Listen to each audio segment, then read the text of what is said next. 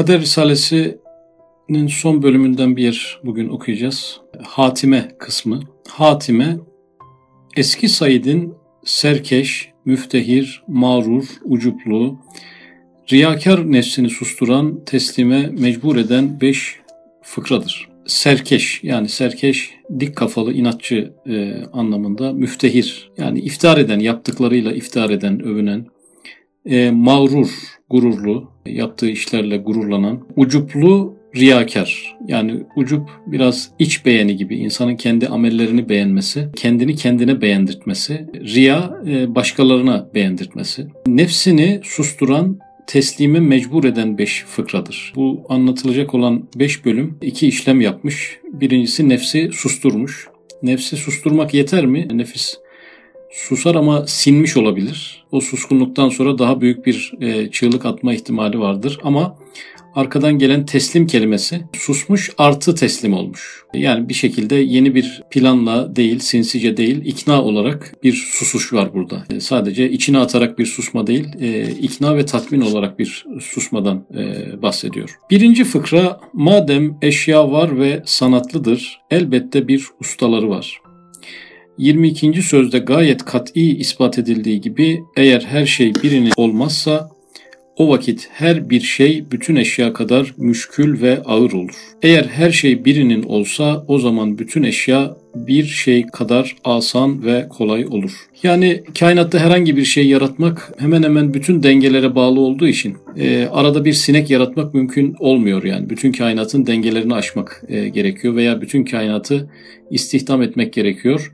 E, dolayısıyla her şeyi yaratan e, bir e, varlığın bir şey yaratması mümkün olduğu kadar kolay ve anlaşılması basit bir mesele.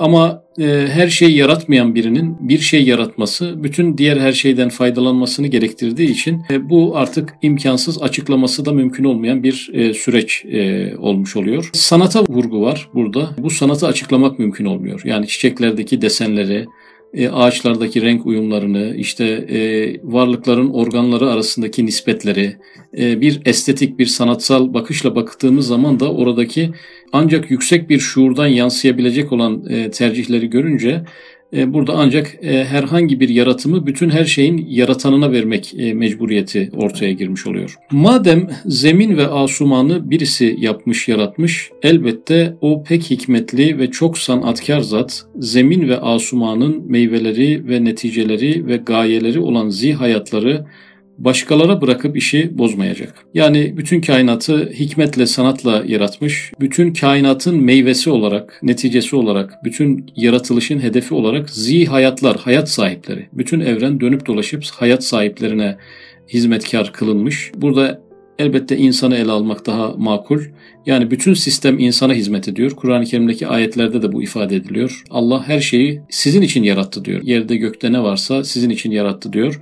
Dolayısıyla bütün kainat sistemini e, kendi malzemesi gibi kullanan insan e, bir noktada başkasına yar olmaz yani. Kainatın sahibi kimse ancak ona yar olabilir. E, kainatı insana hizmetkar kılan kimse İnsan da ancak o varlığa hizmet edebilir, ibadet edebilir, şükredebilir. O varlığa yüzü dönük olabilir. Başka bir yapıya yüzünün dönmesine bütün sistemin sahibi e, müsaade etmez. Başkalara bırakıp işi bozmayacak. Tabi burada riya ve fahirle alakalı bir telkin var aslında. Biz yaptığımız ibadetleri, hizmetleri, hayırlı işleri riyayla, ucupla yaptığımız zaman e, bütün kainatın e, Rabbinin yerine birisini koymuş oluyoruz.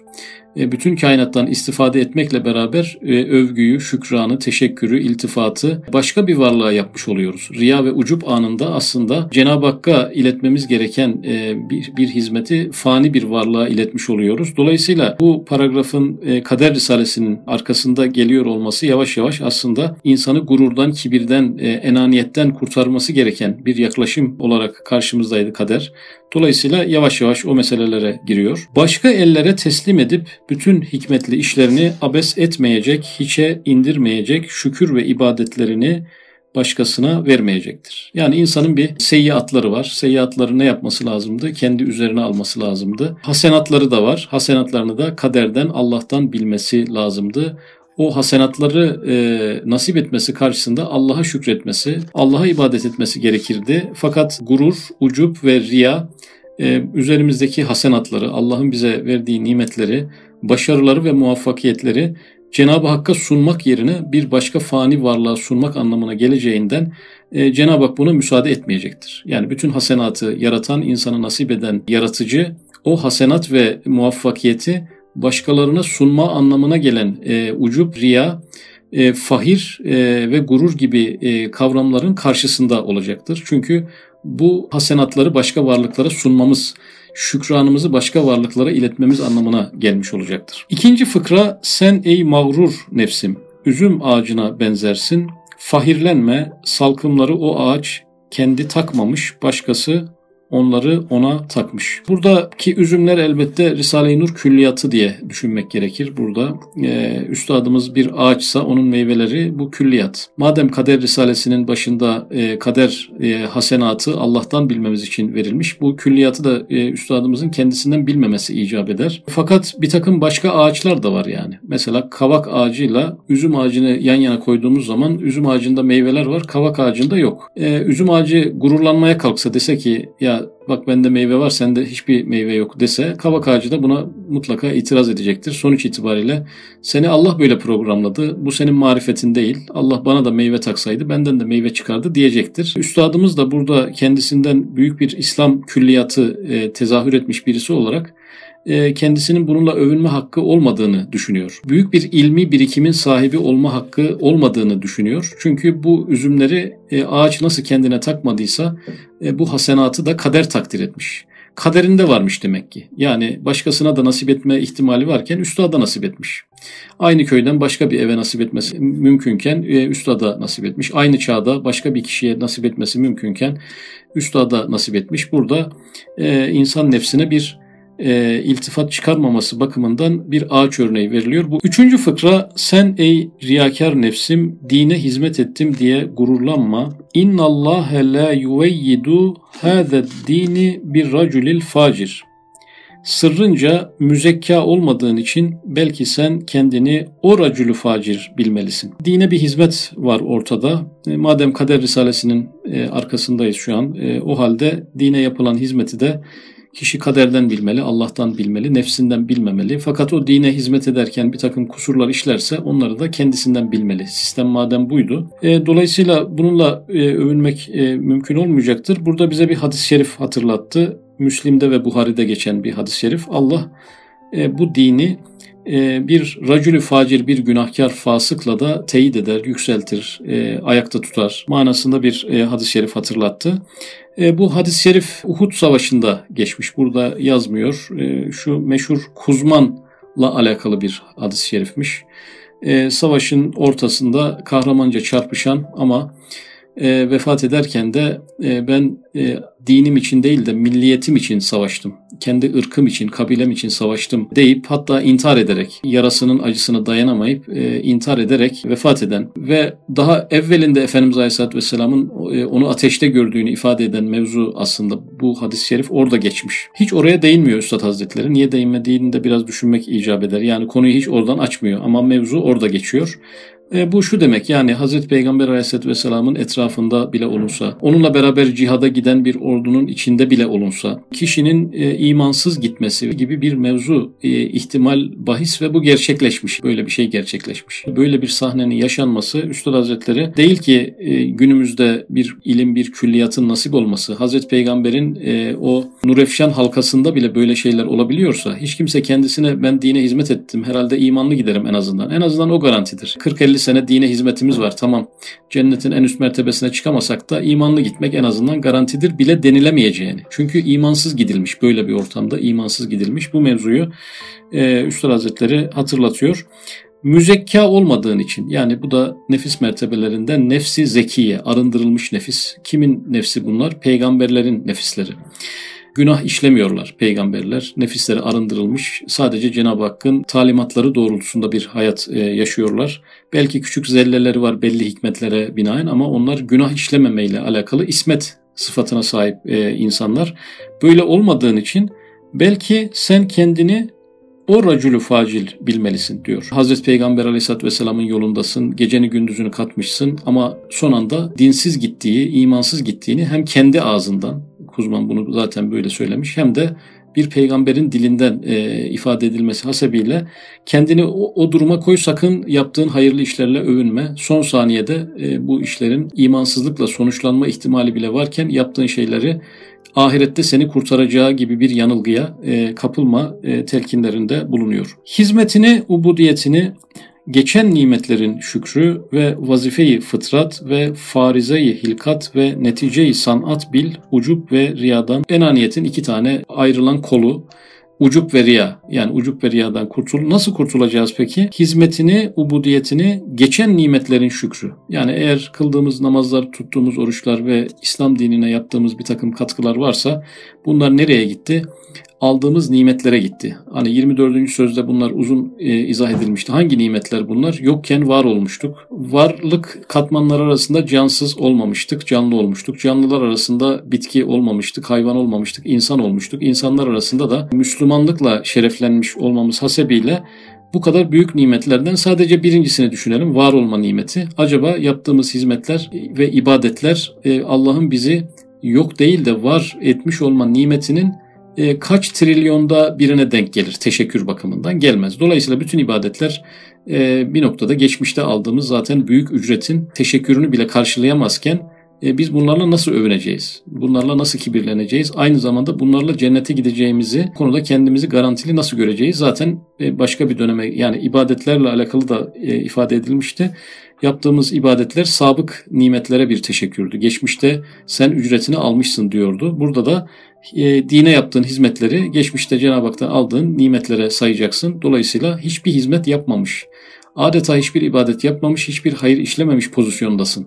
O pozisyonu unutma şeklinde bir hatırlatmada bulunuyor. Geçen nimetlerin şükrü sayacaksın. Başka ne sayacaksın? Vazifeyi fıtrat. Ağaç e, ağacın bir sistemi var, hayvanların bir sistemi var. Arı yani arının fıtratı bal yapma üzerinedir. Arı bununla övünmez zaten doğal bir şey. E, balığın fıtratı yüzme üzerinedir. Balık yüzer, yüzmekle övünmez. Dolayısıyla insanın fıtratı da e, hizmet ve ibadettir. Zaten ona göre programlanmıştır. İnsan da bununla övünmez. İyilik yapmakla övünmez. Doğru söylemekle övünmez. E, yaratıcısından aldığı nimetlerin bir teşekkürü anlamına gelen ibadet yapmakla övünmez. Çünkü fıtratı buna göre programlanmıştır. Bunda övünecek bir şey yoktur. Ayrıca farizayı hilkat Yaratılışın gereği, e, neticeyi sanat. Sanat kelimesinde gelince cansız eşyaları da düşünebiliriz burada. Mesela buzdolabının e, eşyaları soğutması, işte elektrik süpürgesinin evi süpürmesi bizi şoka etmez yani. Aa elektrik süpürgesi evi süpürüyormuş diye şok etmez. Zaten aşağı yukarı kendisinden beklenen bu görevdir. İnsanın da kulluğu, ibadeti ve hizmetleri bu noktada sürpriz bir şey değildir. Olağan akışında, insanın olağan akışında hem kendisini rahat ettiren hem de kendisine yakışan ve iç sistemi de zaten buna göre ayarlanmış olan bir varlık olması hasebiyle ben madem insanım yani ağaçların meyve vermesi ne kadar doğalsa, arının bal yapması ne kadar doğalsa, balığın yüzmesi ne kadar doğalsa, e, çamaşır makinesinin çamaşır yıkaması ne kadar doğalsa benim de Allah'a karşı kulluk yapmam aynı o şekilde doğaldır. Benim iç yapımın zaten mecburi istikametidir. Benim ana caddemdir. Ben bu yüzden varım. İnsan en iyi ne işe yarar? Dünyada hangi varlığı dünyadan çekerseniz dünya daha bozulur. Yılanları kaldırsanız başka bir şey bozulur. Fareleri yok etseniz sistemde bir şeyler bozulur. İnsanı sistemden çekseniz sistem tam aksine düzelir. Daha iyi düzelir. Pandemi döneminde gördük. İnsanlar evlere girdiği zaman hiç görünmeyen dağlar görmeye başladık. Yani aradaki hava kirliliği insanın yaptığı insan bozmuş meğer. Yani insanı şehirlerden çeksen dünya kendine gelir. Dolayısıyla peki insan ne işe yarıyor? Tamam inek süt vermeye yarar arı bal yapmaya yarar. İnsan insan gerçekten bir işe yaramıyor. Dolayısıyla İnsanın Cenab-ı Hakk'a dönük bir tarafı var ve bu dönük taraftaki kulluk ve ibadete yarayan bir varlık. E, bunu da en iyi yapan varlık. E, buna göre ayarlanmış bir varlık. Bununla övünmesi, bunu sürpriz bir şeymiş gibi görmesi, bunun karşılığında cennet beklemesi, içten içe kendisini mübarek, e, özel, kurtulmuş insan rollerine kaptırmış olması insan için oldukça trajik bir durumdur. Kendi görevini yapmakla böyle büyük ödüllerin, mükafatların peşine düşmesi anormal bir durumdur. Dördüncü fıkra. Dördüncü fıkra hakikat ilmini, hakiki hikmeti istersen Cenab-ı Hakk'ın marifetini kazan. Yani ilim aşığı, hikmet aşığı, felsefe aşığı, düşünmeyi çok seven, onunla yükselmek isteyen birçok insan vardır. Ama Üstad Hazretleri diyor ki gerçekten ilim istiyorsan, hakiki bir ilim istiyorsan, gerçekten hikmet, akıl yürütme, mantık yürütme, bunun zirvelerini görmek istiyorsan Cenab-ı Hakk'ın marifetini kazan. Allah'ı tanı. Allah'ı ne kadar tanırsan kainattaki diğer mevzuları da o kadar iyi tanırsın. Örneğin insanın başına gelen hadiseleri yorumlamak. Filozoflar da yorumluyor, şairler de yorumluyor, işte edebiyatçılar da yorumluyor, sinemacılar da yorumluyor. Ama Allah'ı çok iyi tanıyan bir insanın hayat hakkında yaptığı yorumu hiçbirisi tutmaz. Çünkü Cenab-ı Hakk'ı tanımak, Cenab-ı Hak'la kainat arasındaki ilişkileri incelemek, bu konuda bir tecrübe sahibi olmak, ondan sonra insanın başına hangi mevzunun neden geldiği üzerine fikir yürütmesi hakiki bir dayanaktan kaynaklandığı için çok daha isabetlidir. Mevlana Hazretlerinin, işte İmam Rabbani Hazretlerinin, İmam Gazali Hazretlerinin, Bediüzzaman Hazretlerinin bizim yaşamımızdaki hadiselerle ilgili yorumları bizi çok daha fazla etkiler. Bir şairinkinden, bir edebiyatçınınkinden daha çok etkiler. Neden? Şair kendisini tanıyor. Etrafındaki insanları tanıyor. Kainatla Allah arasındaki ilişkileri bilmiyorsa e, olayları doğru açıklaması da oldukça zorlaşır. Çünkü bütün hakaiki mevcudat ismi hakkın şuatı ve esmasının tezahüratı ve sıfatının tecelliyatıdır. Varlığı tanımak, varlıkla ilgili bilgilere ermek istiyoruz ama varlığın dayandığı bir yer var yani. Bütün varlıkların, bütün bilimlerin, bütün fenlerin ve sanatların her birinin dayandığı birer şuunat var, birer esma var, birer sıfat var. Bunların hepsi de dönüp dolaşıp ismi Hakk'a bağlanıyorlar. İsmi Hak da değişmezlik demek. Cenab-ı Hakk'ın Hak ismi değişmez. Cenab-ı Hakk'ın kudreti. Kudreti sonsuzdur, mutlaktır.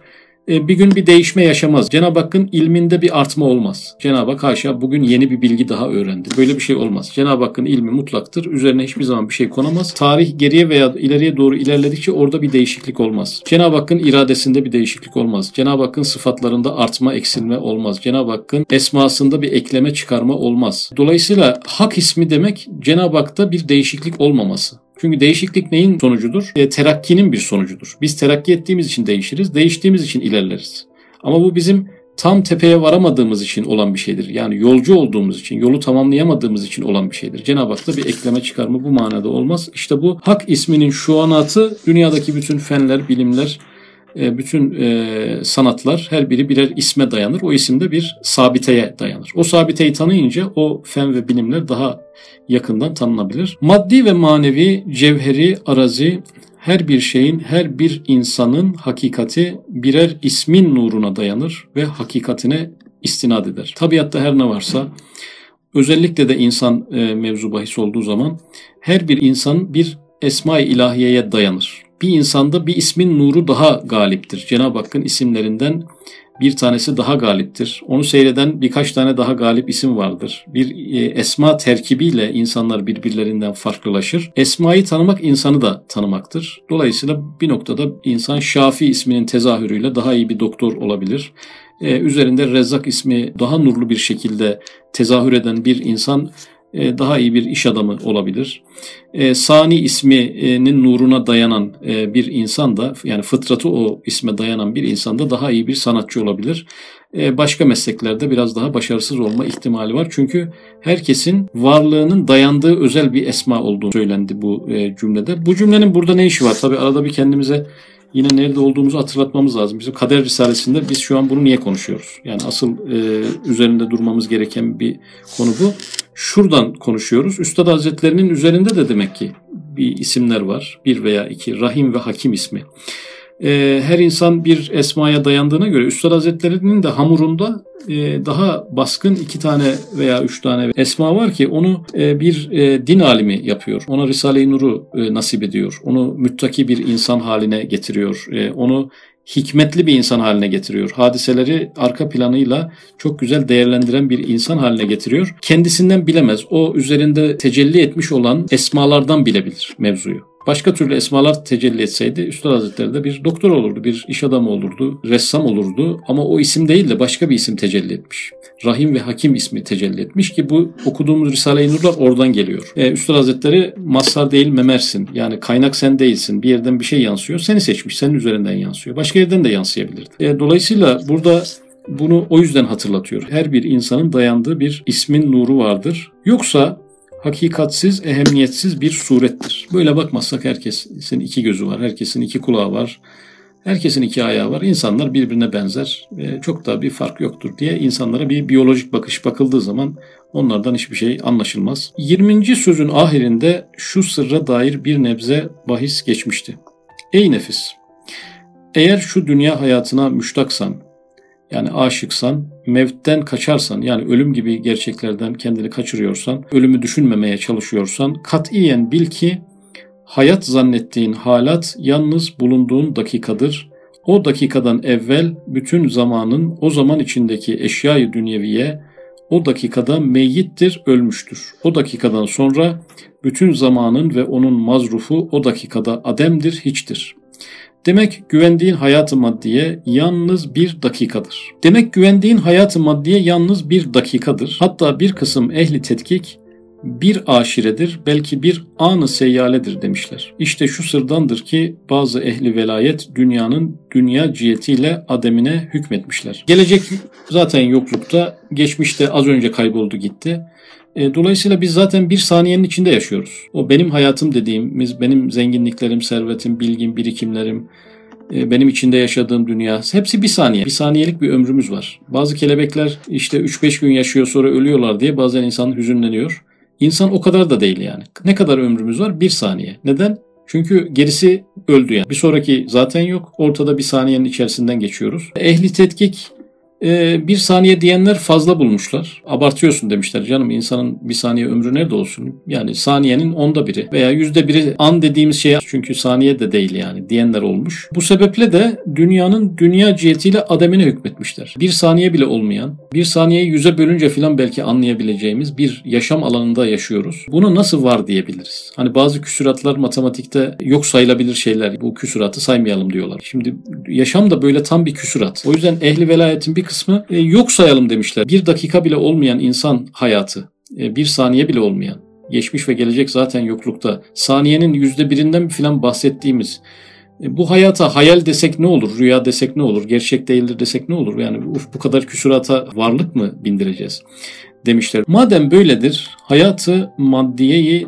nefsiyeyi bırak, kalp ve ruh ve sırrın dereceyi hayatlarına çık. Bak ne kadar geniş bir daire hayatları var. Bizim aradığımız şey şu. Bir yaşam alanı istiyoruz ama böyle bir saniyeden ibaret olmasın. Geçmiş ve gelecek sürekli yokluğa karışmasın. Peki bu imkan nerede var? Kalpte var. Üstad Hazretleri kalp için diyor diye birkaç gün ileriden birkaç gün geriden dereceyi hayatı var. Demek ki kalbin dereceyi hayatına girsek 3-4 günlük bir yer kaplayacağız varlık sahasında. Ruhunsa seneler ileriden ve seneler geriden bir dereceyi hayat var diyordu. E, dolayısıyla şimdi burada Sır kelimesi eklendi. Herhalde ruhtan daha derin olduğu için sır latifesine e, kadar terakki eden e, o nakşilerde latifelerin e, inkişaf ettirilmesi vardı. 10 tane latifenin. Sır da onlardan biriydi.